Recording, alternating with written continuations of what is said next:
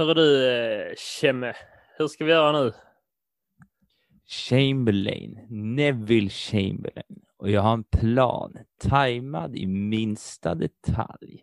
Hör här och anteckna.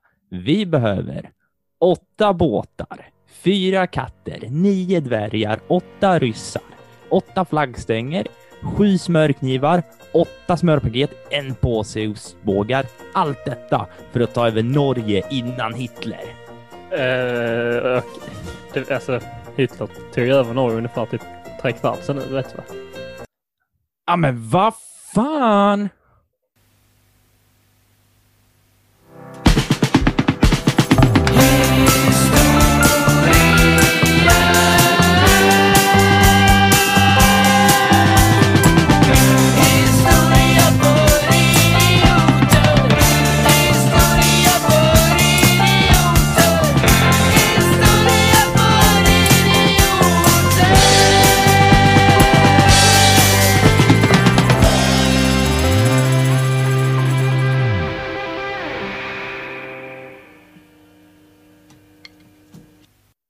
Hej allesammans och välkomna till den lättsamma och roliga historiepodden Historia för idioter med mig, Teodor Olsson och min lärare Alexander Riedel. Hej! Hej, Hallå! hej. Vi är då podden om historia där vi pratar om eh, historia i allmänhet på ett lättsamt och roligt sätt. Och innan vi börjar så skulle vi uppskatta om ni på er lilla poddelipodd-app trycker på följa och kanske ger oss en annan stjärna. Och att ni går in och följer oss på, på vår Instagram som heter ett historia för idioter. Eller vår TikTok. Yes, eller vår TikTok, eller Om vad vi man- nu, eh, allt annat som vi har. Om man är lagd åt Eh. det hållet så att säga. Vi- Idag nu- så ska vi prata om eh, annat än eh, sociala medier. Eller hur Alexander? Yes, vi ska prata om de osociala medierna. Fläskpost. Tänkte du på nu, de, de lyssnare som har varit eh, med oss här sedan början, nu har vi chockat dem genom att ta detta i början.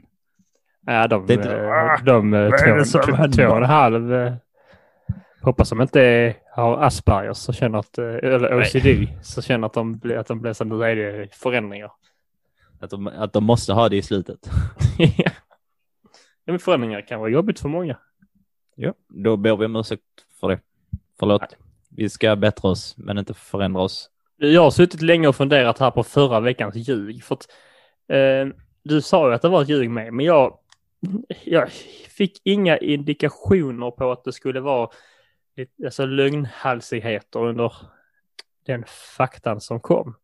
Så det får du jättegärna dela med dig av nu. Vad var förra veckans ljug?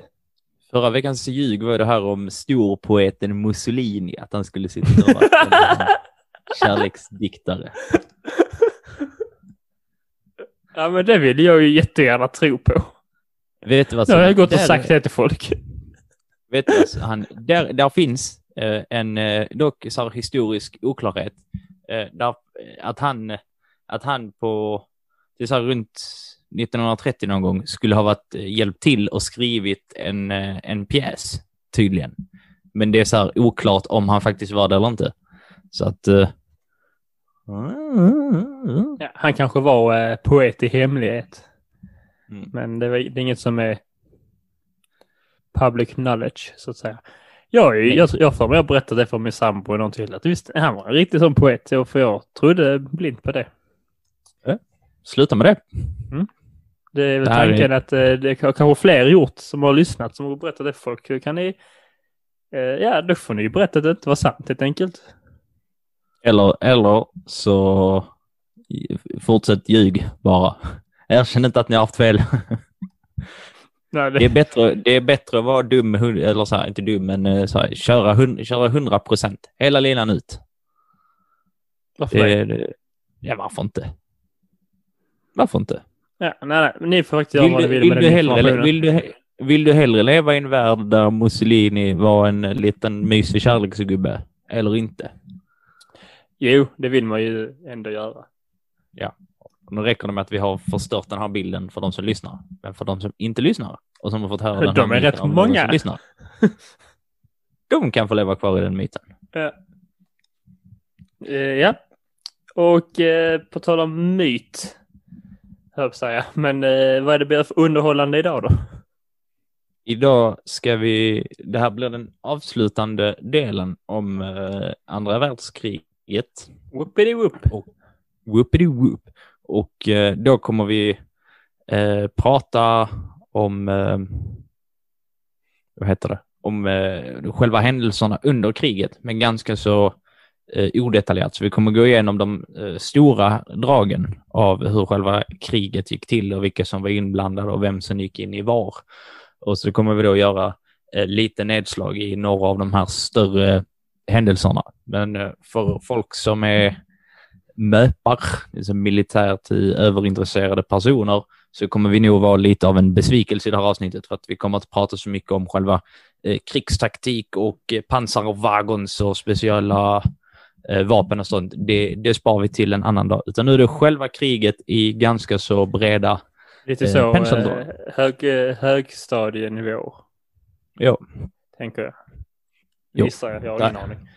det, där, där händer ju otroligt mycket, alltså så verkligen hela tiden över hela världen. Det är ju totalt kaos. Och eh, man hade ju kunnat, alltså man hade ju kunnat göra typ en hel poddserie med bara så här grotta ner sig i sådana här, eh, alltså i händelserna för att det är verkligen så otroligt, eh, otroligt mycket att grotta ner sig i. Men det tar vi en annan dag. Det blir Nu? svårt att hålla en röd linje då kanske. Ja, så att eh, vi, vi får göra vårt bästa och sen så vissa av händelserna är lite, eh, de kommer nära, alltså så här tätt in på varandra i tiden. Så att det viktigaste för er är väl att hålla reda på eh, att det är mellan 1939 och 1945. Och att Eh. inte glömma bort och eh, försöka, alltså vara uppmärksamma efter ljuget så att inte ni går och skämmer ut er igen för farmor och berättar till exempel att Mussolini var en liten romantiker. Ja, och eh, vi kommer gå, i, så här, vi går igenom detta i någorlunda kronologisk eh, ordning. Så nu, nu, nu är alla med på, på banan, vad som kommer hända. Wow! Vet du vilka som inte var med på banan överhuvudtaget? Nej. Eh, Polen, när eh, Sovjet och eh, Tyskland gick in. De var, woof! Nej, Var kom de ifrån? Var kom de ifrån? jag vet inte vad jag ska säga. Det känns inte som Polen har varit med på banan länge, höll jag. De är fortfarande i chock. ja, men, Ett kollektivt. Som De fortfarande gjorde ekar. vad? Nej, Men den, eh, det avslutar vi förra eh, avsnittet med att eh, nämna att den första september det. där 1939 så går eh, Tyskland och Sovjetunionen in i Polen och tar över dem ganska så snabbt. Eh, så att Polen gör ett tappert försök till att här, hålla ställningarna uppe, men det är liksom två de blev inklämda mellan två supermakter och där var inte så mycket de eh, kunde göra åt. Och efter, efter de har gjort detta eh, så blir det lite så här, mm, lite stiltje i kriget så här, för att England och Frankrike, eh, de, så här, de vill inte kriga överhuvudtaget. Eh, efter, som, efter händelserna i första världskriget så är ju de flesta så här, oh, låt det inte spåra en gång till. Ehm, och då är Hitler lite så här, äh, jag har ingen, inte så mycket kvar att, att göra. Men då, ja men alltså han har ju massor kvar att göra, men han planerar ju liksom så här nästa, nästa attack, vad, vad som ska hända härnäst, så att det blir en litet uh, stiltje. Och sen precis innan kriget har uh, brutit ut så har Italien börjat ockupera delar av så här, Adriatiska havet, uh, framförallt då Albanien, och sen så har de börjat eh, röra sig ner mot Afrika Mhm. och i Asien så har Japan gått in i, eh, i Kina och börjat eh, erövra och ockupera. Och de kommer eh, hyfsat långt, så det är där vi befinner oss just nu. Satan, det var en jävla massa på en och samma gång. Ja, men det är lite, Japan och Italien, det är lite så här precis, precis innan eh, Okej. ockupationen av eh, Polen. Och sen rör sig Tyskland mot Frankrike. Ja. Och då, då är Hitlers lilla plan att eh, han ska göra det som man inte lyckades göra under eh, första världskriget. Det vill säga ta över Frankrike snabbt som attan. Eh, och då har han en ny taknik, taktik med sig. Och det är så här blitzkrig som man kallar det. att man anfaller, alltså så man anfaller snabbt så in i helvete. Eh, verkligen så här, överraskar dem och pushar eh, framåt. Eh, däremot så visar det sig, eh, förlåt om vi har några fransmän som lyssnar eh, och som var delaktiga i den här, men det visar sig att Frankrike är lite dumma i huvudet under den här perioden. För att de är fortfarande ganska så, de är ganska stolta över vad de presterade under första världskriget. Så att de har, de har slutat utvecklas så här militärmässigt. Militärt. Ja, så att de, eh, de rider fortfarande på liksom hästar och har eh, gamla vapen och de har ingen radio utan de använder eh, alltså Duvor. brevduvor. Eh, Kul, vilket- jag, bara, jag tänkte, tänkte jag skulle säga något jättelöjligt. Så, så var det rätt. och det, ja, det- ja, okej. Och eh, de, eh, de sätter upp en gräns mot, eh, vad heter det, mot halva, alltså mot halva gränsen, Eh, det vill säga typ halva deras Frankrikes östgräns mot eh, Tyskland och Belgien. Där Mm. har man börjat så här, sätta upp försvar, men själva västgränsen är liksom fritt fram. Eh, och man rustar upp med artilleri. Och då, väg, alltså så här, då vill man de vill inte skjuta på Tyskland för att de vill inte reta, så här, de vill inte starta någon konflikt. Så här, hallå, grabbar, det är så här, konflikten är, den är redan Den- igång. Så någon, någon, som står, någon som står och slår på en så bara, nej men jag vill inte slå, jag vill inte han ska bli arg. Ja. Eh, och eh, tydligen så har eh, en hel del av de franska officerarna har tydligen så alkoholproblem. För det var nog vanligt under första världskriget antar jag. Så att de är liksom aspackade. Askalas. De är askalas på jobbet. Eh, och eh, det här säger väl sig själv att det inte är en jätte jättesmart grej att hålla på med. Eh, och när detta händer ungefär så får vi inte glömma att, Sov- att Sovjetunionen, de är fortfarande offensiva de med. De ska också ha sin beskärda del av, av den här kakan. Eh, och då har ju eh, den här Molotov-Ribbentrop-pakten som vi pratade om. Kommer du ihåg vad det var, Theo? Det var väl eh, att de skulle typ gå in på varsin del av Polen för att dela det på hälften lite där. Eh, precis, så att den gränsen, det är liksom så att allting som är öst om den, det får typ Sovjetunionen ta. Och då vill de ta Finland, så att de det. börjar bege sig dit och hålla på. Tji eh, fick de. Ki- Ja, Ki fick dem för att Finland eh, kämpar på tappert. Otroligt vad de kämpar på. Eh, och vad gör Finlands kära grannländer, Sverige och Norge? Har du någon gissning? Har du någon gissning? Titta på. Tittar på och skickar järnmalm till nazisterna. Ja. Eh, och när, eh, när då England får reda på det här så är de lite, hej Norge och Sverige, kan ni sluta upp med det där? Det kommer att bli problem för oss andra. Och Norge och Sverige säger, nej, det tänker vi inte göra. Eh, och då får Neville Chamberlain en plan Eh, och då är det att han ska hjälpa Finland genom att skicka arméer från eh, då Storbritannien genom Norge, Sverige och sen till Finland. Och när de ändå är där så ska de stoppa, eh, vad heter det, transporteringen av järnmalm. Eh, så de ska ta över eh, järngruvorna mer eller mindre. Mm.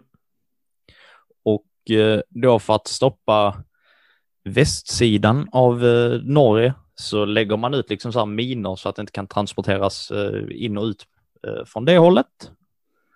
Eh, och sen när man är på väg dit så sänker, alltså så här, när England är på väg till Norge så sänker de också ett eh, tyskt eh, oljefartyg som ligger och hänger lite utanför Danmark. Och då anar eh, Hitler ugglor i, i mossen. De så bara, Åh, här, här händer nog någonting, sa han lurigt och kliade den lille, lille mustaschen. Här händer nog mycket konstigt. Var det, det var tyst? Det var en jättedålig tysk imitation. Fast jag, också kul att härma Hitler och köra en så här Balkanbrytning. Ja. Det hade han inte gillat. Nej. Ruskigt arg. Ja, det, det var lite Och jag passivt aggressivt för mig. Jag pratar inte alls så där, vad håller du på med? Ja, men du har en bra tysk brytning.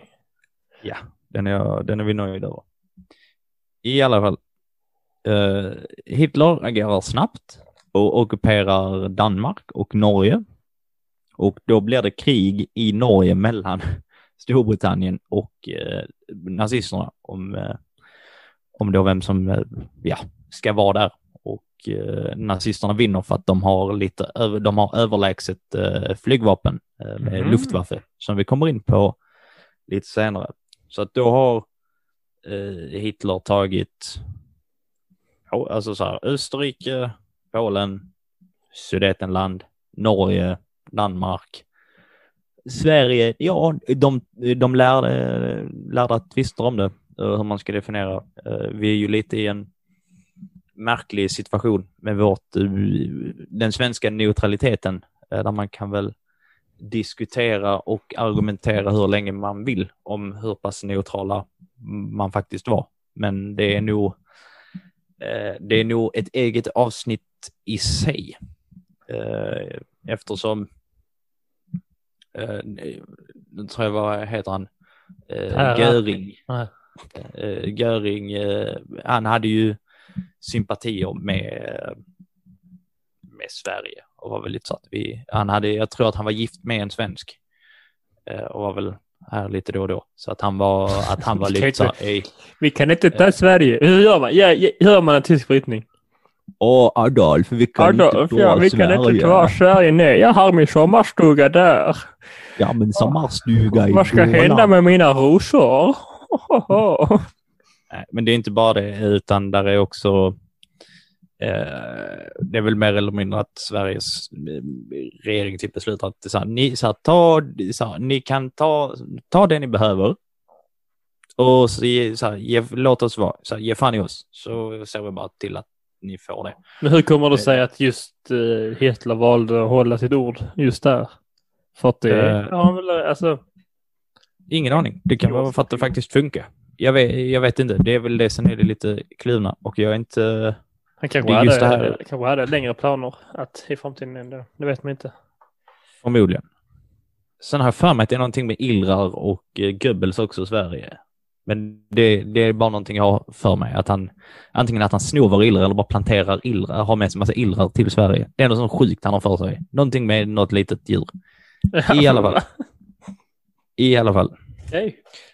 Eh, Han gav, eh, Per Albin Hansson gav Goebbels en iller som muta. Klassisk exakt. politisk muta. Exakt. Uh, dö, dö, dö. Jo, efter, eh, efter det här misslyckandet eh, så får ju Chamberlain, uh, alltså det engelska misslyckandet då med att de skulle vara, de skulle vara först, stoppar nazisterna och sen totalfiasko. Eh, så eh, slutar han som premiärminister och istället tar den gode Winston Churchill över. Och han gillar vi ju, den tjocka gamla gubben. Han som Och håller alla hans ut... fingrarna. Det är bra, det är bra Theo. Nu, ser, nu förstår alla lyssnare vad de Han menar. höll upp med Victory i fingrarna. Yes. Och sen tror jag att han gjorde det på fel håll och det är, något helt annat. Ja, det har vi pratat om vad det är i Mm. podden. Är Men inte ju- vad det här är. Nu Nej. undrar de vad det är vi... Oh. Vilket bra, håller den eh, upp? Radio. Har man då, eh, när vi pratar Victory är ju med eh, handflatan ut, antar jag. Och sen det, det andra är ju då eh, dra åt fanders. Så är det nog. Så är det nog. Uh, tillbaks till nazismen. Som vi så ofta brukar säga i den här podden. Eh, det var ett slagord. Yes. Nej, kan så kan man inte säga. Eh, där nere vid eh, Belgien och Frankrike så ska Tyskland ta, de vill ta över Frankrike, dels för hämna och dels mer levnadsram. Så de går in i Belgien, stöter på lite motstånd av fransmän och några engelsmän som försöker hjälpa till. Och här är de lite smarta och otroligt taskiga. Eh, ganska vanligt när man tänker på nazismen. De har lite smarta taktiker, men de är också oerhörda taskmörtar. Eh, men de plockar typ med sig, alltså flyktingarna. Och sen så när de kommer eh, i närheten av eh, så här motståndarna så bara skickar de så här flyktingarna för dem. Så här, stick iväg! Eh, och då antar jag alltså för att eh, dels antar jag att de har tänkt att Frankrike och England, alltså att de ska hjälpa flyktingarna. Och sen så my- alltså så här, hålla, hålla liksom så här, det tar tid. Och sen att de, de, de nog inte ska skjuta på oskyldiga. Alltså så, här, så att de blir lite förvirrade. Jag antar att det är det som är tanken med det. Ja. Och medan dem. de, ja, och medan de då skick, Ja, ja. Fortsätt du. Vi kan inte prata vidare. Varför de då medan de skickar dig? Ja, så fortsätter ju eh, alltså så här, tyskarna att anfalla. Så att de, eh, de pushar på snabbt som attan alltså. Det jag skulle fråga var eh, alltså hur Schweiz, för det tycker jag inte man, det har jag aldrig hört hur Schweiz lyckas vara neutralt eller om det är som Sverige att de också är lite så. De är politiskt neutralt men moraliskt kanske de inte är det. Eller är det för att eh, ingen, alltså det var så att de, man vill inte åt den här lilla dalgången, det var, kändes onödigt. Jag tror det kan vara en kombination av båda faktiskt. Ja, det har jag inte heller sån superkoll på. Eh, sen har jag för mig att det var väl någon, eh, någonting med banker och sånt. Att eh, Hitler förvarade massa dyrbarheter. Han samlade ju på sig massa konst och skit och Mhm. dyrbara föremål. Eh, och sen så gömde han det typ i Schweiz, i banker i Schweiz typ. Så där, var, där fanns Nej. säkert någon märklig deal där också. För Så att jag är det- svårt att... Så han tänkte Jag- använda Schweiz som en liten sparbössa och Sverige som en eh, butik. Järnbössa. Ja. Ja. Jag har ju svårt att tänka att när han kommer, åh jag ska invadera er och Schweiz bara, nej gör inte det snälla du. Okej, jag ska inte då. Nej. Kan jag få starta ett bankkonto?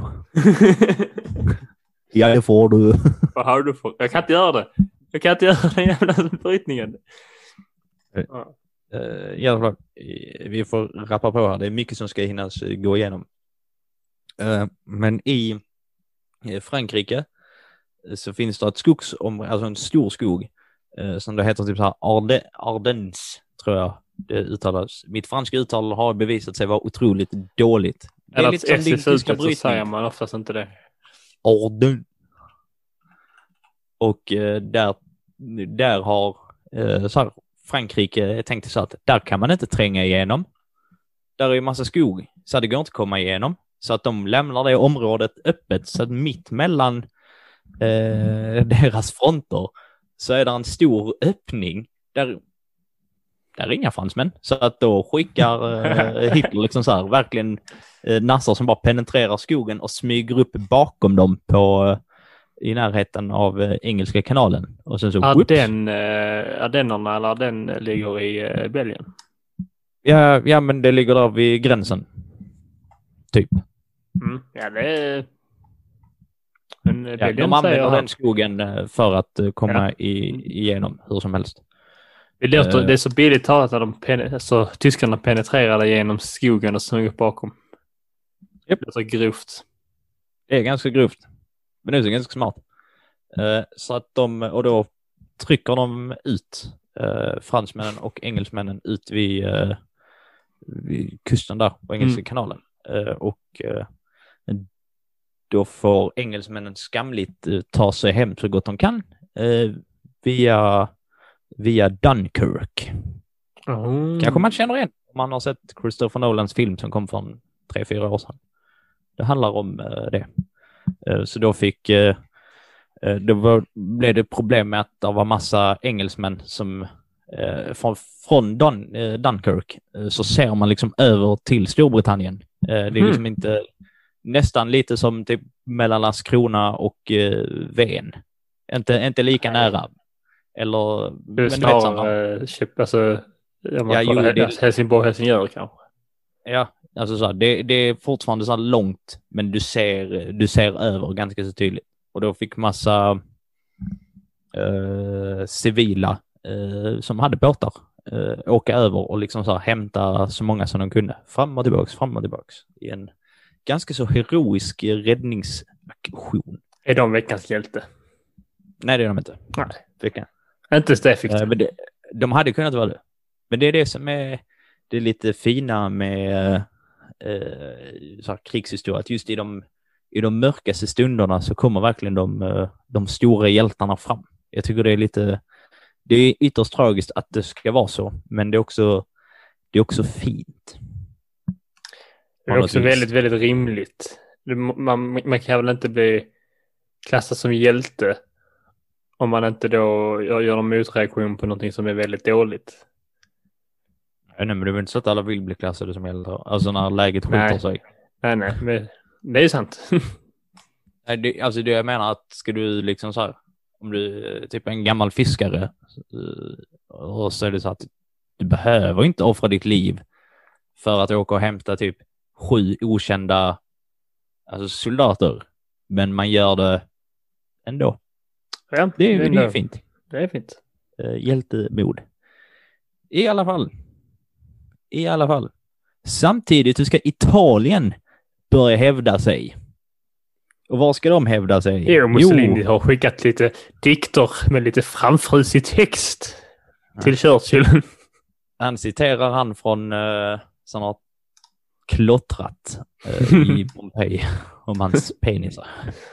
Skrivit en liten eh, egen version av den. Ah. Och så skickar han runt den. Tycker ingen att den är jättebra. Usch vad du är äcklig. Så blir han arg. Och vi har då när han blir arg när folk hans konst. Jo, då ska han ta över Egypten. What? Som han gör. Yes. Okej. Eh, det med Egypten blir ju, alltså det är ändå hyfsat eh, nära Italien och de vill ju Mm. också bygga eh, imperium. Men de stöter på lite patrull i Afrika eftersom vi, vad vi redan har pratat om för ett par avsnitt sedan, så är ju hela Afrika mer eller mindre eh, koloniserat.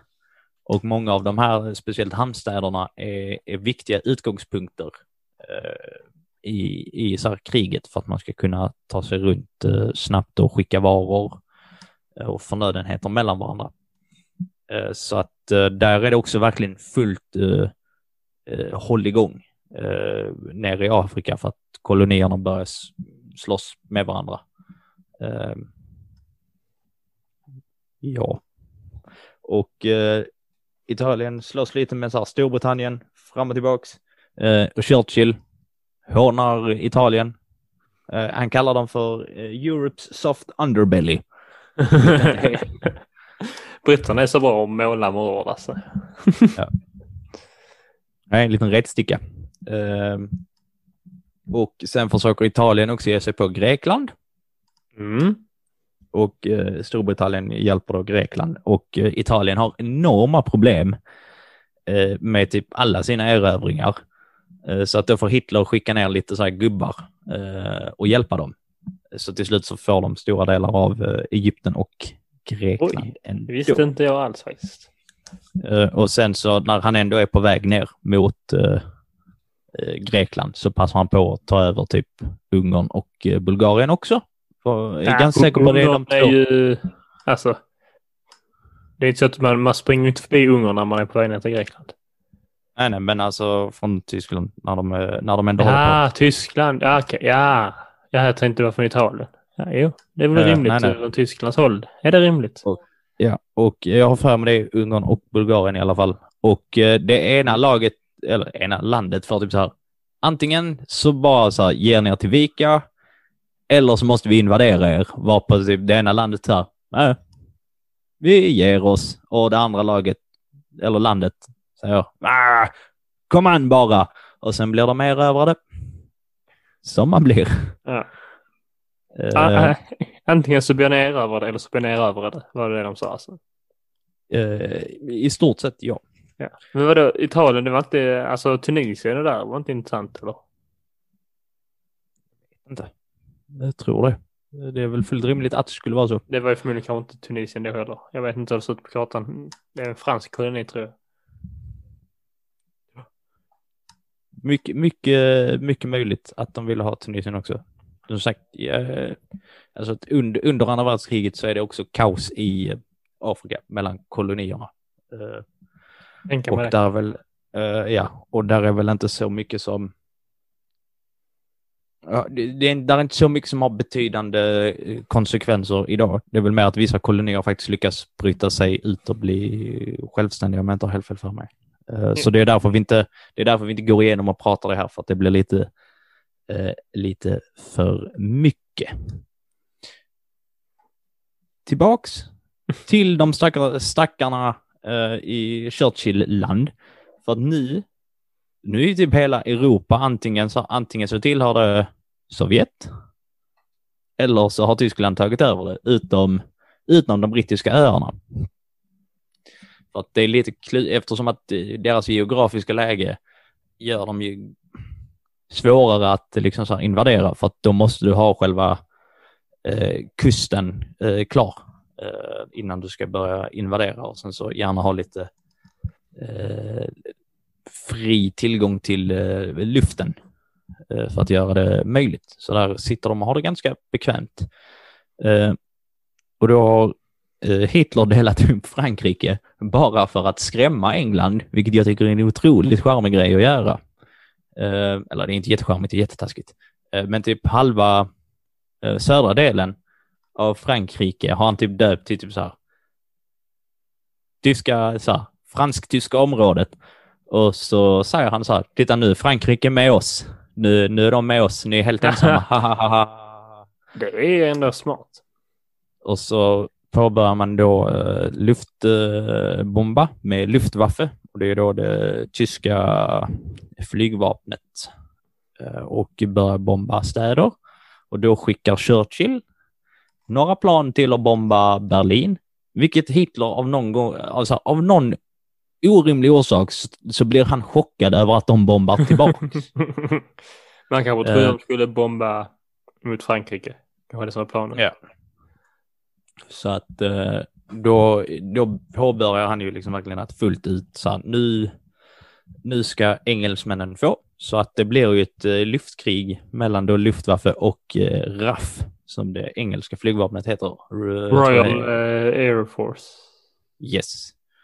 Eh, och eh, grejen med, jag tror att RAFs plan heter så här Spitfire och det är så här små, alltså när man tänker på krigsplan, alltså små krigsplan. Det är typ sådana eh, som England har, medan Tyskland har alltså jättestora eh, bombplan.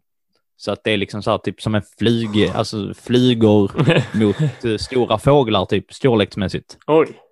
Kanske inte lika extremt, men det är fortfarande stor skillnad. Så att eh, de här små planen har ju lättare att komma, eh, komma till, alltså så här att flytta sig och Medan Tysklands plan gör ju större skada egentligen. ja, ja, de, de börjar bomba civila städer och sånt eh, ett tag, eller de fortsätter med det ganska länge, även efter de är besegrade. Men eh, britterna vinner typ över eh, Tyskland där, för att de kan inte eh, så här, invadera eller ockupera. Och det är där Churchill säger att aldrig har så många haft så få att tacka för så mycket. För att det var verkligen så här, de var helt Mhm. eh, underminerade. Och Då då sa du hela... vann britterna det för att Tyskland inte kan ockupera? Vad sa du? Ja, så då, Tyskland kunde inte få liksom så här, den här fria luftvägen eller Nej, eh, havsvägen. Okej. För att de kunde inte så här, komma dit och eh, ockupera. Så att därför klarar sig Storbritannien ganska bra. Bortsett från att de blev totalt sönderbombade. Men det... Eh, och då, eh, det var då man började skicka ut sina, så här, för nazisterna gav sig på liksom, alltså städerna och bombade liksom så här civila eh, mål. Så då hade England satt upp massa eh, skyddsbunkrar och barnen blev ivägskickade långt ut på landsbygden eh, för att bli omhändertagna tills kriget var över. Och vad lyssnar de på i när de satt och gömde sig i bunkern? Jag lyssnar på Vera Lynn. Precis. En liten callback till typ avsnitt fyra Typ. eller tre. Mycket Wow. trevlig melodi de lyssnar på. Ja, satt han där. Jag har faktiskt och tänkt på henne nu under detta avsnittet när du har snackat. Att det känns, hon känns rimlig att ta upp nu. Och det gjorde det också. Yes. Wow! Amazing! Återkoppling sådär ett år senare. Ja. Och sen det lönar sig att hänga med. ja. Och eh, 1940 i USA så är det eh, ett pågående val mellan Franklin D. Roosevelt och Wendell Willkie. Vem tror du vinner? Ursäkta. Eh, Så det, det var alltså ett val mellan han som vinner då, Roosevelt, och någon typ Wendell Willkie. Willy Wonka chokladfabrik snubbe liksom. Eh, och eh, det är så här för att USA vill, eller folket i USA vill verkligen, verkligen inte eh, bli indragna. Eh, och eh, den egentliga skillnaden till så här, Wendell Willkie säger typ, vi ska absolut inte gå med i kriget och Franklin D. Roosevelt säger, vi ska absolut inte gå med i kriget så länge vi faktiskt inte måste. Och det måste de förr eller senare. Ja. Men inte just då. Så att eh, Roosevelt blir eh, president och då eh, får han ett litet samtal. Eh, inte när han har blivit vald eller Nej, men under hans tid så ringer det lite. Under hans tid. Eh, så ringer ju då Storbritannien eh, och eh, frågar om hjälp. Och eh, de kan ju inte hjälpa eh, med liksom så att kriga aktivt, för då måste de ju skicka soldater och bli indragna i kriget. Men de börjar skicka vapen och förnödenheter till de allierade. Och detta får, vilket otroligt eh, informationsnät nazisterna måste ha haft. Han får fan reda på allt. Det, för... eh, så att de börjar då eh, sänka de här skeppen, alltså så transportskeppen i...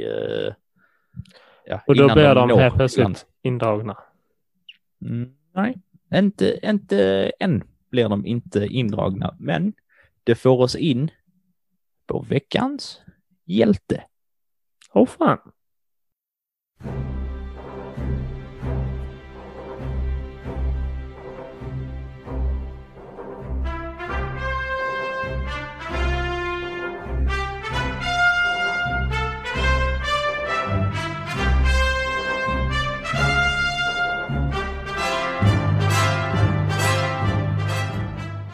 Där klingar den Eh. ut.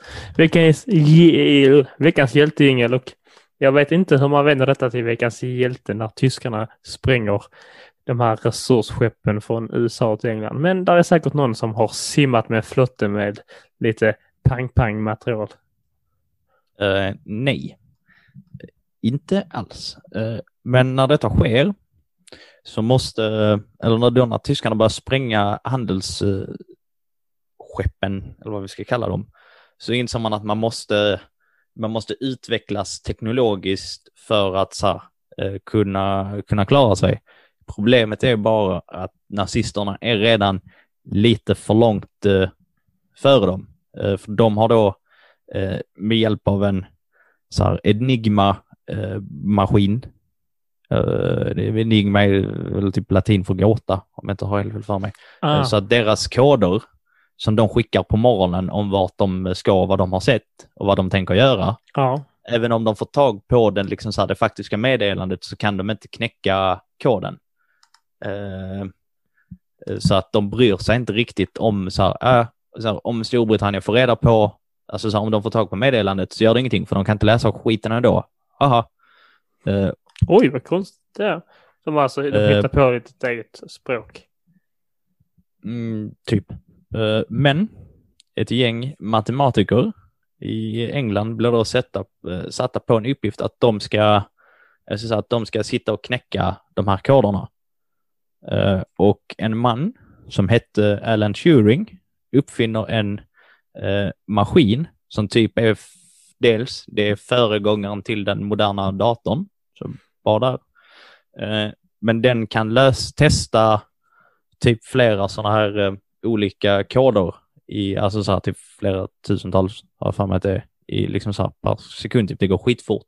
Så att med hjälp av hans eh, otroliga uppfinning så, eh, så lyckas de knäcka koderna. Och då skickar de ju så här, eftersom att nazisterna inte bryr sig, eftersom de tror ju fortfarande att deras koder inte går att knäcka, så att de är ju så här slarviga när de skickar ut vad, vad de ska göra. Så att då får, eh, sitter de och liksom så här, eh, tar koden och sen så får de reda på precis var i, i havet och var de ska bomba, och vilka skepp, skepp de ska eh, ge sig på. Så att de hinner förvarna och sätta in lite extra styrkor eh, och liknande. Och den eh, maskinen och deras framgång typ så här räddade eh, verkligen så här hundratal, alltså hundratusentals, om inte miljontals eh, människor. Och de säger väl att det kortar ner kriget med x antal år. Så att det är verkligen... Väl eh, värd veckans hjälte skulle jag påstå. Och sen, bara för att han hade ett tragiskt livsöde så måste vi titta här för att vi, vi är på Turings sida och eh, hyllar honom. Eh, dessvärre, eh, eh, eller inte dessvärre för att det är inget fel, men dessvärre för hans del eh, så visar det sig att han är homosexuell och det tycker man inte om. Bra, bra att du rättar dig. I Storbritannien på den här eh, tiden. Och eh, så att han blir då, eh, vad heter det, eh, intagen efter kriget. Eh, och så gör de så här undersökningar och så tvingar de han att gå på sådana med mediciner som förstör liksom så här, typ hormonbalansen och han, jag inte, är inte säker på om han dör av dem eller om det är så att han tar livet av sig. Ja. Men något, något av dem är Ja, det låter ju inte trevligt vilket fall som helst.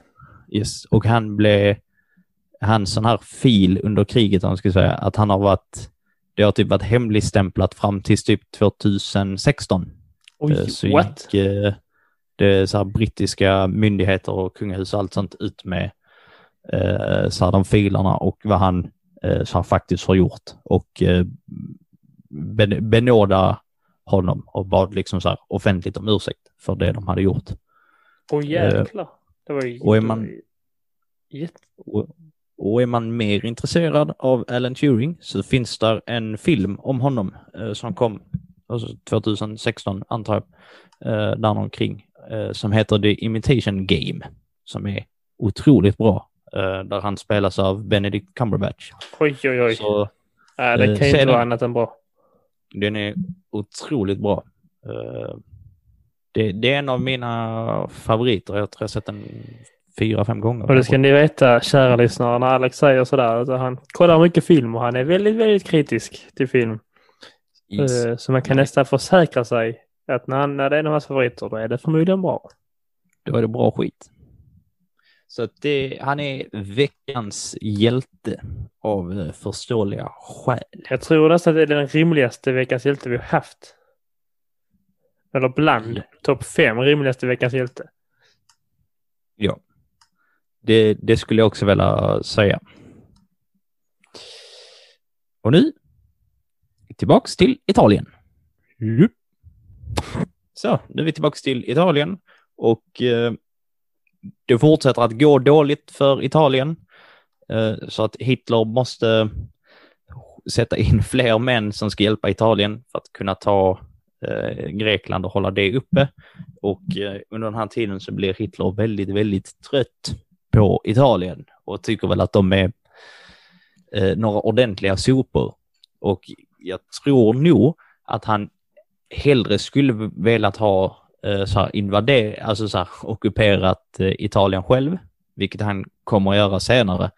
Eh, men just för de här trippel, nu ska vi säga trippelpakten som man har med Sovjet och Italien, det är ju framförallt för att motståndare, det vill säga England och Frankrike, om de ska komma och ge sig på Tyskland så måste de passera ett par andra länder innan de kommer till Tyskland så att de är väl förberedda på det här. och du nämnde, vi pratade ju nyss om USA och nej, nu ska vi se här så att vi inte, nu går vi händelserna i förväg för att vi ska inte alls prata om det än. Vi ska prata om eh, när det börjar skita sig för, eh, eh för Adolf och hans eh, mannar. Har du koll på det, Teo? Adolf. Adolf? När det skiter sig oh. för Adolf. Vad hans ödesstigna, korkade beslut är mitt under den här perioden. Nej, det ringer inga klockor här. Vad är det han gör? Operation Barbossa. Hitler ska ta över Sovjetunionen. Just det. Det, I, det eh, är ju historiskt omöjligt. Japp. Jag får gissa vad, vad de gjorde i Sovjetunionen för att undvika detta. De dödade sina civila och brände byarna innan, innan Hitlers armé kom dit, så de dog på vägen. Ja, bland annat så gjorde de, eh, gjorde de väl det. Klassiskt sovjetiskt. Classic trick. De är luriga. Eh, det här är tydligen en av de största alltså så här, försöken till en militär ockupation eh, någonsin. Åh oh, fan. Det var fyra, fyra och en halv miljon tyska soldater som skulle invadera Sovjetunionen längs, 2000, alltså längs en front som var 2900 kilometer lång. Satan. Och och det här hade eh, Roosevelt och Churchill hade varnat så Stalin eh, för så att hålla ögonen på Hitler så här, för att Hitler kan man inte lita på, man är en busig. Och då säger Stalin la la la la la la jag hör inte. eh, så att, Han är tysk. Nej. jag vet inte hur man gör en rysk brytning. Det kan Nej. du göra, du, du med dina östbrytningar. Jag kan göra polsk brytning, men jag vet inte. Ja, men det är näst, det är näst, det är för fan grannländer mer eller mindre. Olivia, jag måste alltid säga Olivia innan jag börjar prata polska brytning på grund av mormor alltid sa så. Ja, nu börjar jag tyska igen. uh, mycket bra. Mycket bra. Njet. Han kommer inte, han kommer inte komma att ta Sovjet. Mycket bra. Det var, det var bra. Du ser lite rysk ut ibland alltså. Jo, jag ser lite. Nej, fan, fan vad vi gör oss på alla brytningar. Men jag får Kom. bryta på sådär. Vet det, ja, ja. Och härma. Ja, då, då får jag leva med bli cancellad. Jag härmar bara mina släktingar. Um, ja, den här eh, invasionen blir faktiskt ganska, ganska lyckad. Dels eh, Stalin är inte beredd på det. Så här, för, varför skulle han? De har ju en, de har skrivit papper på att Hitler inte skulle gå in där. Eh, så att de pushar, pushar, pushar, pushar, pushar och kommer ända fram till Moskva. Mm. Men ungefär när de kommer till Moskva så händer en annan grej. Det är vinter. Jo. Och eh, den eh, sovjetiska vintern är ju inte den är ju inte jättemild. Den är ju snuskigt kall. Men Hitler har räknat med att det här kommer gå snabbt. Eh, och det gjorde, det gick ju det gick ju snabbt, men det gick inte så snabbt som han hade planerat för. Så att han skickade dit sina soldater med liksom sommarutrustning. Eh, så att eh, de frös ihjäl, många av dem. Och så här, bensinen i, alltså det var så fruktansvärt kallt så att bensinen i bilarna liksom frös Eh, alltså så här, det gick inte att använda för att motorerna frös.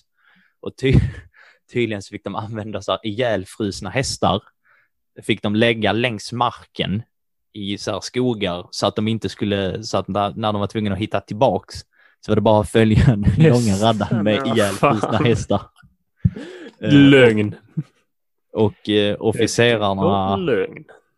Eh, i så här, de tyska officerarna försöker ta kontakt med liksom så här, vi kan inte göra det här, så här, vi får eh, så här, reträtt och sen får vi försöka igen till våren. Eh, var på Hitler ganska länge säger så här, nej, så här, fortsätt, fortsätt, fortsätt. Och eh, Stalin kallar in så här, specialutbildade styrkor, alltså nu snackar vi Rambo supersoldater som är tränade i alltså Sibirien för att kunna slåss i eh, eh, sånt här kallt, eh, eh, den här kylan. Så att eh, Tyskland åker på stordäng och blir verkligen så här tillbaka, långt, långt tillbakapressade. De är Mm. fortfarande kvar i Sovjet, men det är verkligen så att de är på gränsen till att ha blivit helt utkastade jämfört med vad de hade eh, kommit åt här innan. Och eh, så att den här ockupationen börjar den eh, 22 juni och sen så slutar det typ den 5 december 1941. Och vet du vad som händer två dagar senare 1941? Nej. Japan får, en- Japan får en jävla snilleblixt. Det här tycker jag är så här genius move. Eh, för att de, vill, de har ju tagit över stora delar av Asien och har fått lite så här storhetsvansinne, ja. precis som Hitler och Stalin. Ehm, och de ska då uh, börja gå söderut och börja ta de ö, öområdena som ligger där. Problemet eh, för dem är att de öområdena är koloniserade sedan innan av USA och eh, Storbritannien. Just det. Och USA och Storbritannien har mycket bättre flotta än vad så här, Japan har. Så att skulle deras, så här, möter en amerikansk flotta en japansk flotta så är den japanska flottan körd. Och vad gör man då? Man eh, flyger till, eh, vad heter det, och förstör flottan. Ja, man flyger och förstör flottan innan, innan den gått in. Innan den innan den seglat ut. Genius move! Ja, Det är ja. egentligen, alltså så här, det är ju smart. Det får man ge dem. Eh, så den 7 december så flyger eh, eh, japanerna till eh, Pearl Harbor som är en, eh, ja, alltså flottbas eh, på en ö som ligger typ i, i en, mitt ut nästan ingen, eh, ingenstans. Du har bättre koll på geografi. Så ja men jag vet inte var Pearl Harbor ligger. Nej, men det ligger, jag har för mig, nej jag ska inte gissa på var det ligger. Men det är en eh, ö som ligger ganska långt eh, från eh, själva fastlandet. Och här dödas 2403 militärer som är på den här flottbasen och 57 stycken civila, vilket är ganska många. Och där är otroligt, alltså de spränger typ hela flottan eh, som är där. Problemet är ju att inte jättelångt därifrån så är själva, har USA själva sin flottbas. Så att även om de förstör och dödar ganska mycket så får den en liten, liten, inverkan, eh, liten inverkan i det stora hela. För att de, det som de har skadat och förstört går ganska snabbt att bygga upp igen. Men de tror att de har gjort en jättevinst och det är ju kul för dem. Det ligger på Hawaii. ja, det var det jag tänkte säga. Men jag blev Ja, jag var otroligt- lite osäker på det. Jaha, det är väl, för jag har hört, eh, jag tror faktiskt det här om japanska soldater då. Eh, nu är det pratar om Japan som liksom bodde uppe i någon form av så berg som väktare liksom. Om de sa skulle kolla ut eh, luftvapen och sånt. Eh, och när det är krig så får man ju lära sig att man ska inte lyssna på eh, någon form av medier som utses, utges åt för att det kan ju, det är en vanlig krigsföring eller man tar över ett lands eh, medier och radio och annat och tidningar och så skriver man att nu är kriget över. När det inte är Mm. det. Så man ska inte lita på det. Så jag läste om en man som har suttit kvar i ett av de här liksom vakttornen och stannat där flera, flera år efter kriget och slutat. För att han, nej, tänker inte lita på det. Alltså, Alla som sagt, är jag över? Han bara, nej, inte en chans. Jag eh, litar inte på det. Inte för mig. Ja, han, följer, han gör ju bara det han har blivit lärd, men det är så hemskt sitter han där. Och bara, ja men jag, eh, de säger, alla, alla säger nu, det är över, kriget är över. Han bara, ni ljuger. Jag tänker inte gå ner härifrån. Japp. Så jag får en bild där ute sitter en eh, japansk soldat uppe i ett torn i, liksom i, jag vet inte varför han skulle göra det i ett berg. Det är bara det jag har i huvudet, det är det jag minns de sa, när han sitter där Det känns som att om man är i ett berg behöver man verkligen ett torn då. ja, i ett hus åtminstone, högt, högst upp Ja. någonstans. Och bara vägrar lämna det för att USA bråkar med dem. Stackars Eh, jävel. Jo. Eh, men då efter, eh, efter den här eh, bombningen så, eh, så förklarar USA och Storbritannien krig mot Japan av förståeliga skäl. Men också att Tyskland förklarar krig mot USA. Varför, varför gör ni Varför det? det? Sluta Så att ni inte, det. här är ni inte inblandade. Låt dem vara. Jätteonödigt. Så Ni har mycket på ert tallrik redan, Tyskland. Så här, ni, håller, så här, ni håller på på västfronten, östfronten och ett pågående folkmord i västfronten, egenfronten och hela östfronten. Och sen så försöker ni se till så att Italien inte sjabblar bort alltihop. Ska ni ge er på dem nu också? Jösses. Eh, det kanske vi ska nämna när vi ändå eh, så här för nu under eh, den här tiden så att Japan och Tyskland framför allt eh, och eh, Sovjet alltså till viss del, att i deras ockuperade område så bedriver man folkmord av olika slag, alltså etnisk rensning.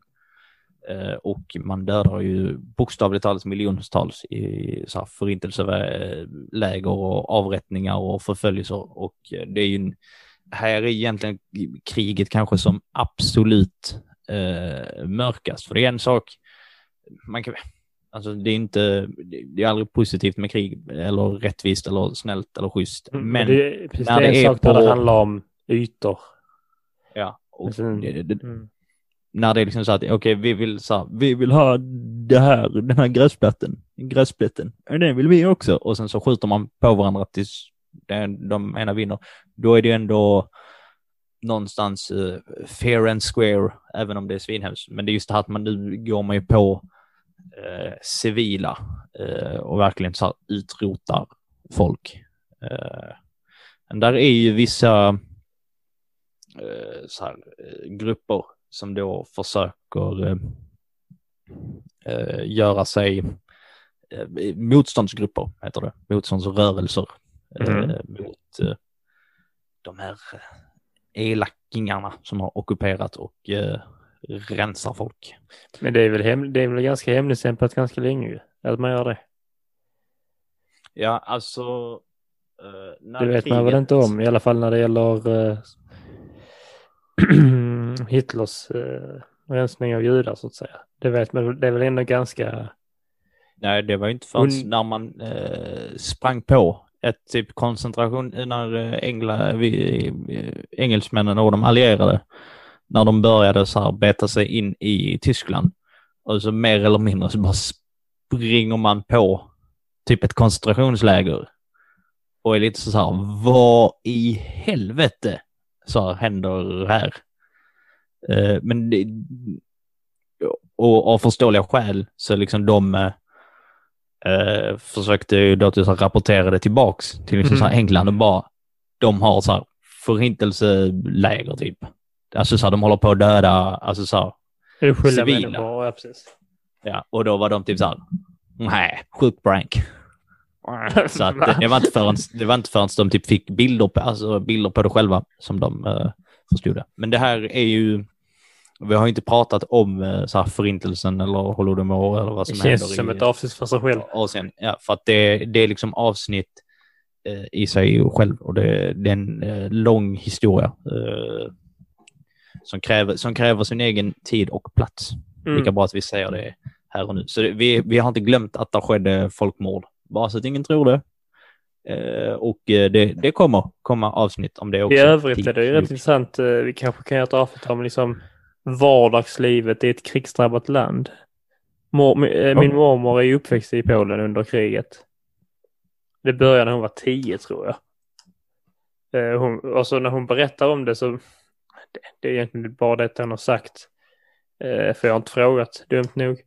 Eh, Men så berättar hon det, det låter så banalt. Hon berättar att ja, men, ibland gick vi på bio och sånt men en dag var bion bortsprängd. Man bara ursäkta? Så berättar hon det Jag lite. kräver lite, återbetalning. så berättar, berättar hon det lite. Eh, lite liksom så vardagligt så man blir lite. Ja. Så det kan vara intressant ändå att prata om det vardagliga livet i ett krigsdrabbat land. Yes.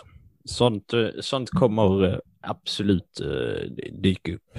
Det, det har vi så lite halvt planerat och snackat om. Så att det, det kommer lite, lite en teaser till vad som komma skall. Eh, men jag tänker att vi lämnar eh, de hemska folkmorden eh, där. Och så har vi nämnt att det händer och så går vi tillbaks till Sovjetunionen för att nu under vår, när det har blivit vår igen så ska eh, Tyskland och Hitler försöka ge sig på Sovjet igen. Du, du, du, du. Eh, kommer, ganska, kommer ganska långt.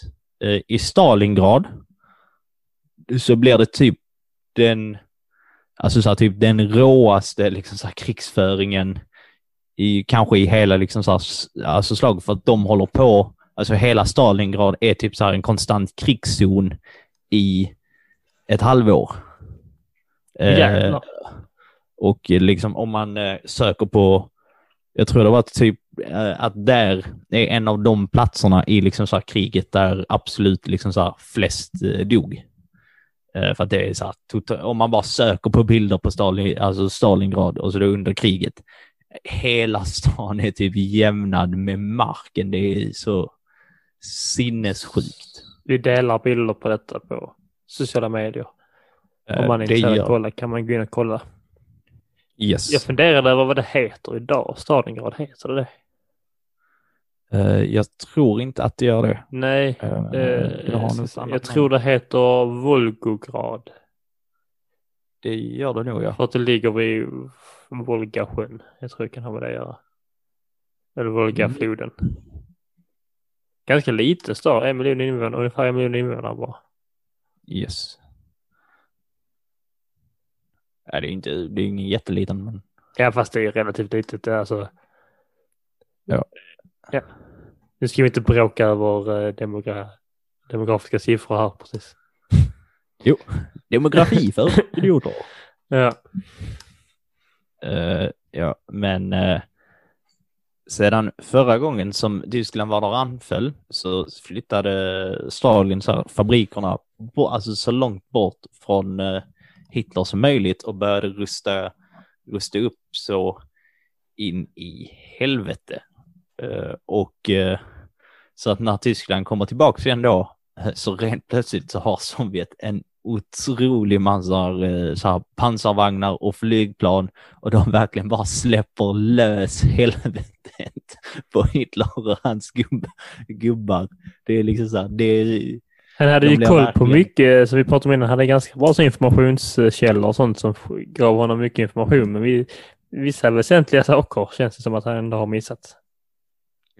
Eh, så att eh, de blir liksom så här, de försvinner ganska så snabbt från eh, Sovjet och de männen som de tyska soldaterna som hade oturen att vara i Stalingrad blev så här krigsfångar i, i Sovjet. Och där kan vi tänka att de har ju säkert haft det jättetrevligt eh, där de Mhm. har hamnat.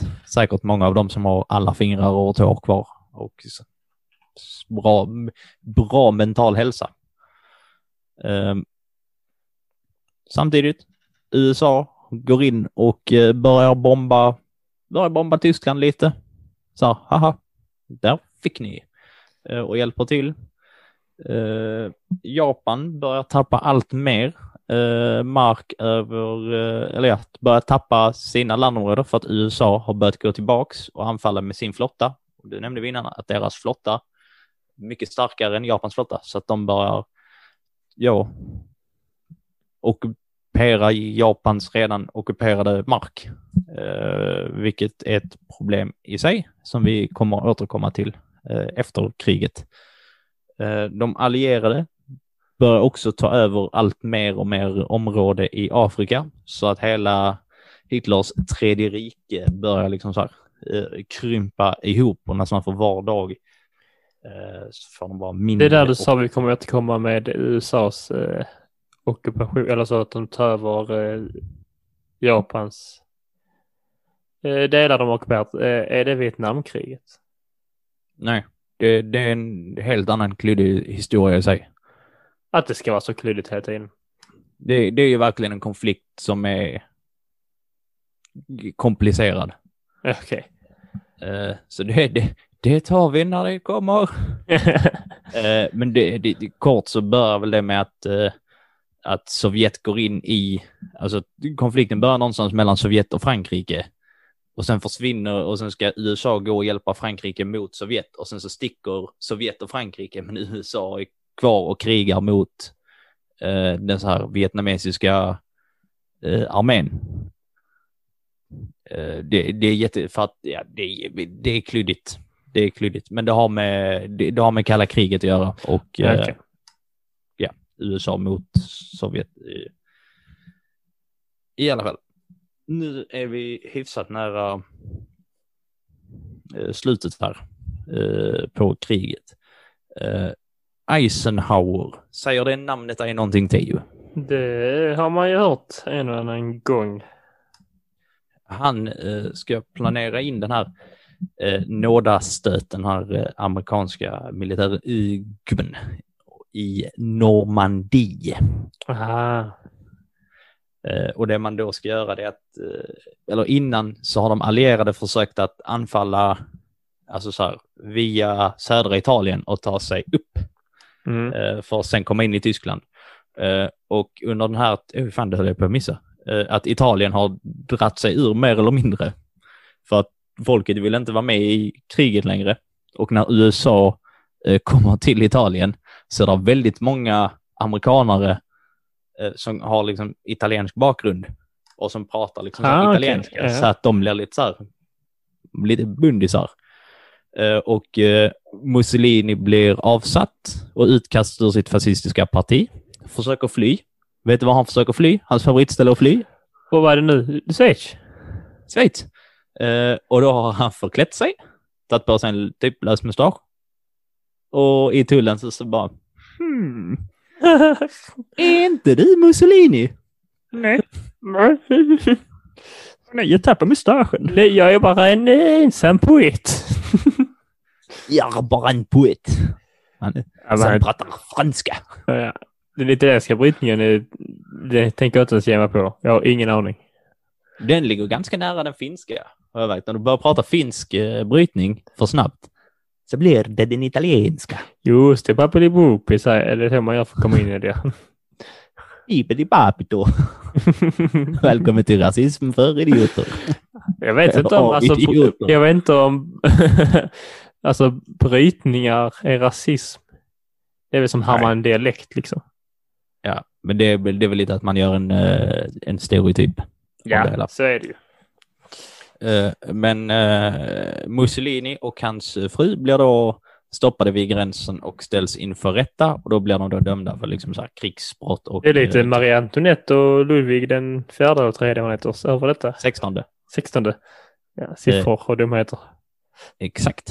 Eh, Så att de blir då upp och ner, så här, upp och ner hängda eh, på ett torg eh, där folk Uff. får så här, skända dem och vara taskiga och sen så dör de där också. Sjukaste jag hört. Nej, det är det inte, men upp Med tanke på att vi nyss pratade Ja. om folkmord så känner jag så här, är det där verkligen det sjukaste? Nej, Att folk blir lacka på... det är, därför jag, det är därför jag rättar mig ganska snabbt. Men det lät ju... Det lät ju extremt. Yes.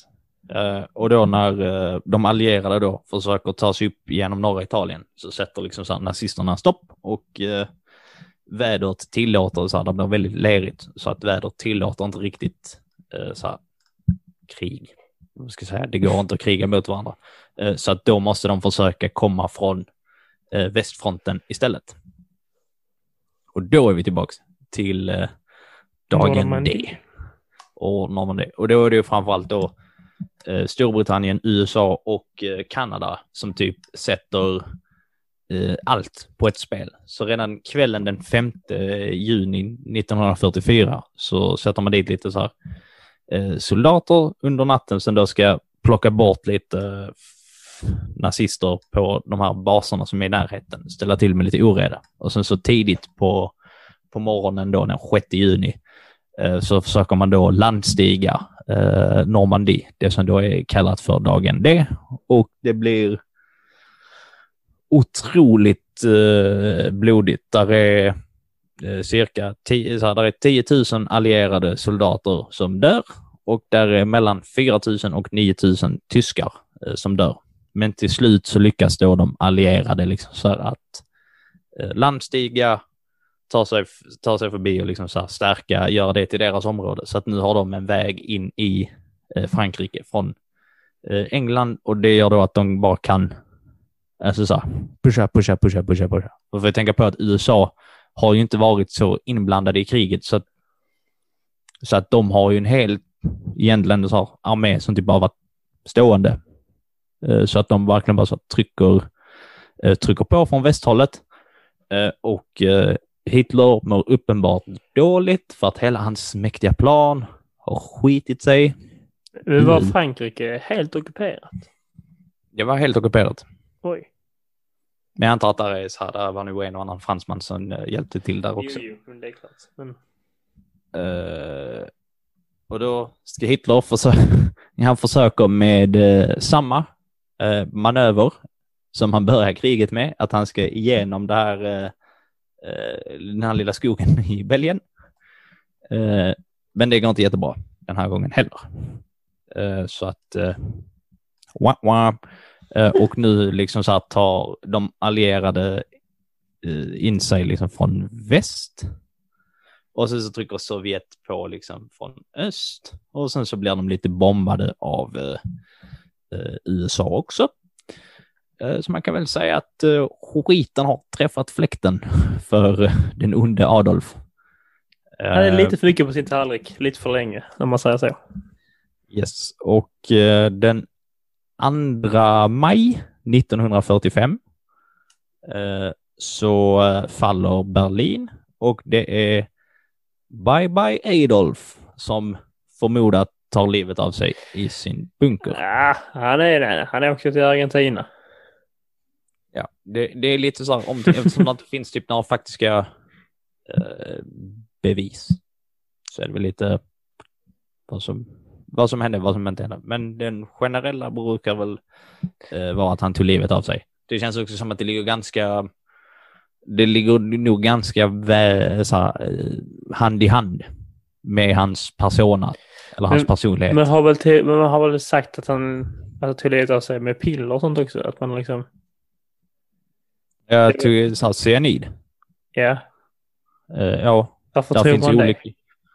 Eh, för att det var vanligt under den här tiden att när typ spioner och sånt blev tillfångatagna så Ja, de hade de, hade en piller, ja. cyanidkapsel typ i uh, hörntanden så bet av tanden så sprack cyaniden och du dog. Fan vad jobbigt att gå med den där hela tiden. Jobbigt att fan jag ska ta och knä, ta en knäckemacka. Och så ibland, ja, ibland har man något som man måste äta på fel sida av munnen så bara helvete också. Tror du det har hänt att någon spion så hade kvar en sån och sen så glömde de att de hade den och sen typ så här, tio år senare typ råkar snubbla eller något sånt så de biter ihop och sen bara hur länge kan det sitta där? Men Jag fattar inte. Sitter du och har opererat in den i hörntanden eller? Ja, men eh, jag jag vet inte exakt hur. Jag tror inte de har opererat, men de hade en i så här, eh, typ i... eh, I munnen, ki- Ja, I kinden? Eh, och där brukar man väl, man kan säga lite vad man tycker och tänker, men där brukar de flesta säga att eh, andra världskriget eh, slutar den 2 maj 1945. Men för att vi ska kunna prata om den andra teorin om när det slutar så måste vi ta oss in på veckans rövhål. Ska vi... Ska vi notera innan eh, du avslöjar veckans rövhål att Hitler har inte varit det en gång under hela under he hela liksom den här trilogin om eh, andra världskriget. Ja, men det sa vi i Hitler-avsnittet att han är ju röv, alltså så här, han är så mycket rövhål så det blir för, trå- det blir för tråkigt i segmentet att ha någon som rövhål. Det har varit ett avsnitt det. som handlar om Just att det. han är Det är rövhål. för tydligt. Det är för Det är tydligt. för... Ja. Ja. Så, Ska vi se vem som, vem som tar den platsen istället för som inte är, som inte är det tydligaste rövhålet. Vem är ett otydligt rövhål?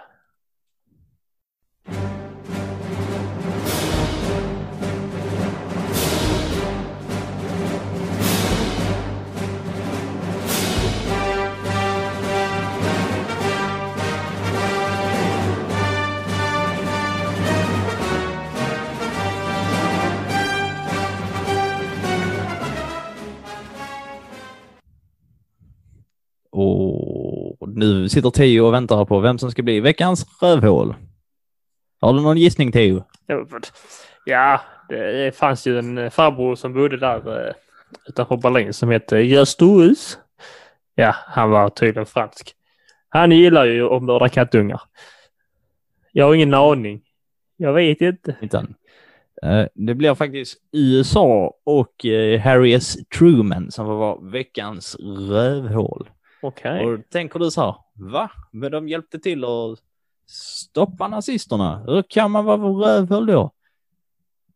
Jo, eh, när USA eh, försökte ockupera den här redan, Japans redan ockuperade eh, landområde, eh, så som du pratade lite innan det här med att eh, den här japanen som inte gav sig, eh, det var verkligen så här ohedersamt att inte dö, alltså så här, i, i krig, utan det var så här, du slåss tills du dör, så här, du får inte ge upp under några som helst omständigheter. Eh, så att de, när då man upptäckte att eh, så här, man var underlägsen flottan, så började man ju så här kamikaze-bomba eh, flottorna. Och det är ju då när man satt i liksom så här flygplanet och sen störtar rätt ner i eh, flottskeppen för att få dem att, att sprängas. Så att Japan, eh, så att USA hade otroliga eh, problem med att eh, erövra, med att ta över Japan. Det kostade väldigt mycket liv och det gick väldigt långsamt. Men då har man utve då har de utvecklat eh, atombomben Ah, självklart. och samtidigt Jesus. som då eh, som kriget har tagit slut så har ju de allierade, det är så här, woo! Eh, och England och Storbritannien har blivit lite så här kompisar. Och sen säger de typ till Sovjet, så här, gött att ni hjälpte till, ger ni så här, de här landområdena som ni nu har tagit, kommer ni ge Mm. tillbaks dem? Och de säger, njet, det kommer vi inte göra. Eh, Så redan där startas en konflikt och då vill man visa vilket, eh, vilket så här, man vill skrämma eh, så här Sovjet och lite så här övriga världen om vilket eh, häftigt eh, vapen som man har hittat på. Samtidigt som man då bara vill avsluta eh, andra världskriget så snabbt som möjligt utan att behöva offra egna liv. Så att den 6 augusti 1945 eh, så smäller USA eh, Little Boy i eh, Hiroshima eh, och det, det tar 120 000 eh, liv i Hiroshima och i Hiroshima när liksom så här, ja, innan bomben small så bodde där 330 Åh jävlar. 000 invånare. Och där är flera av dem som då har dött i efterhand, Mm. då till följden av, ja, alltså, Radioaktiv strålning. ja, med så här, tumörer och skit. att det Riktigt. Ja, det var rimligt rövhål det där alltså.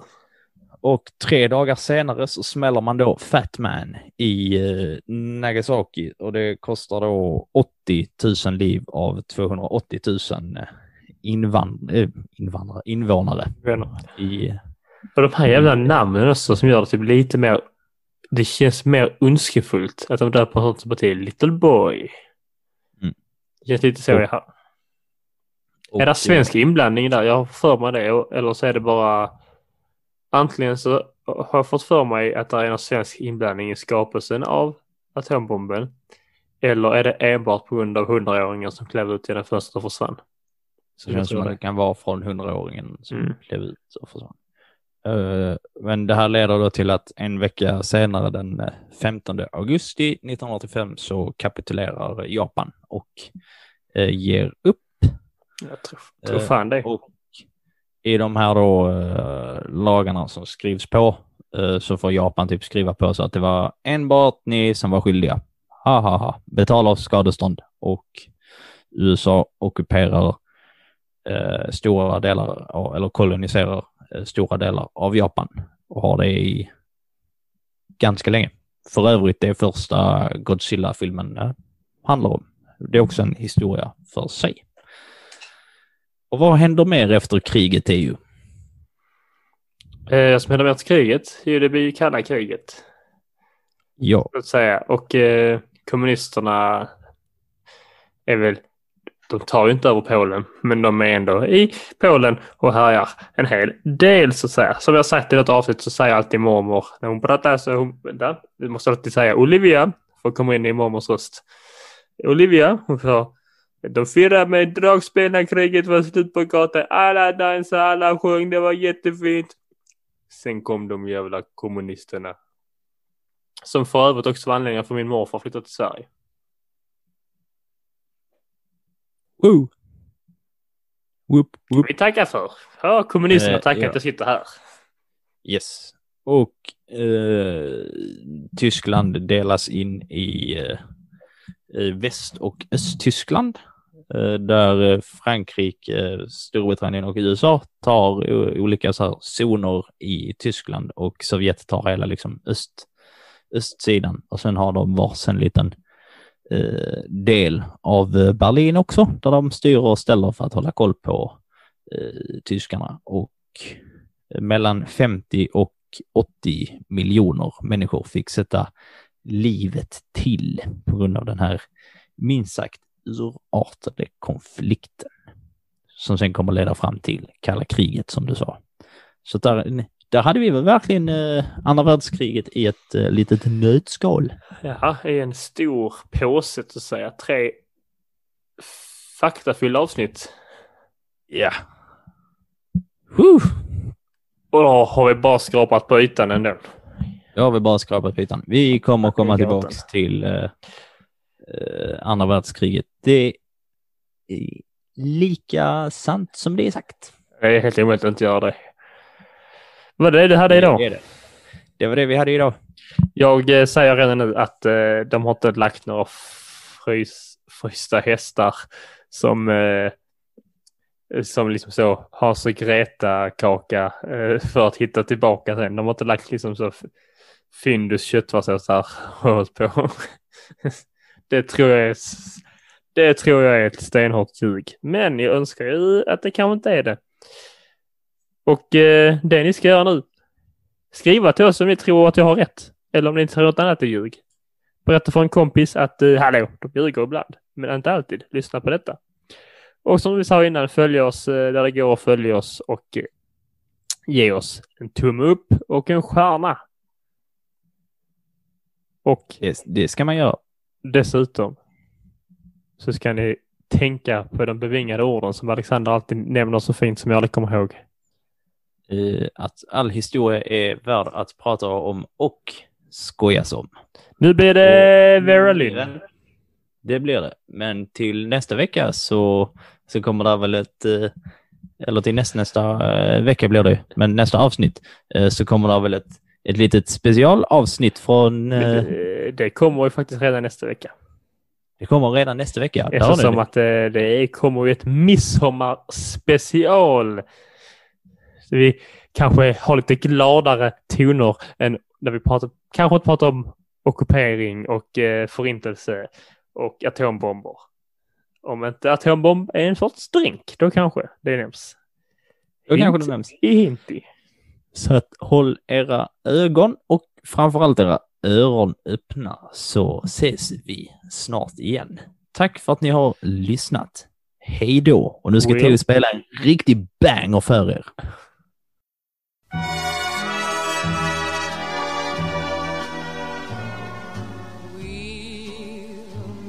Again.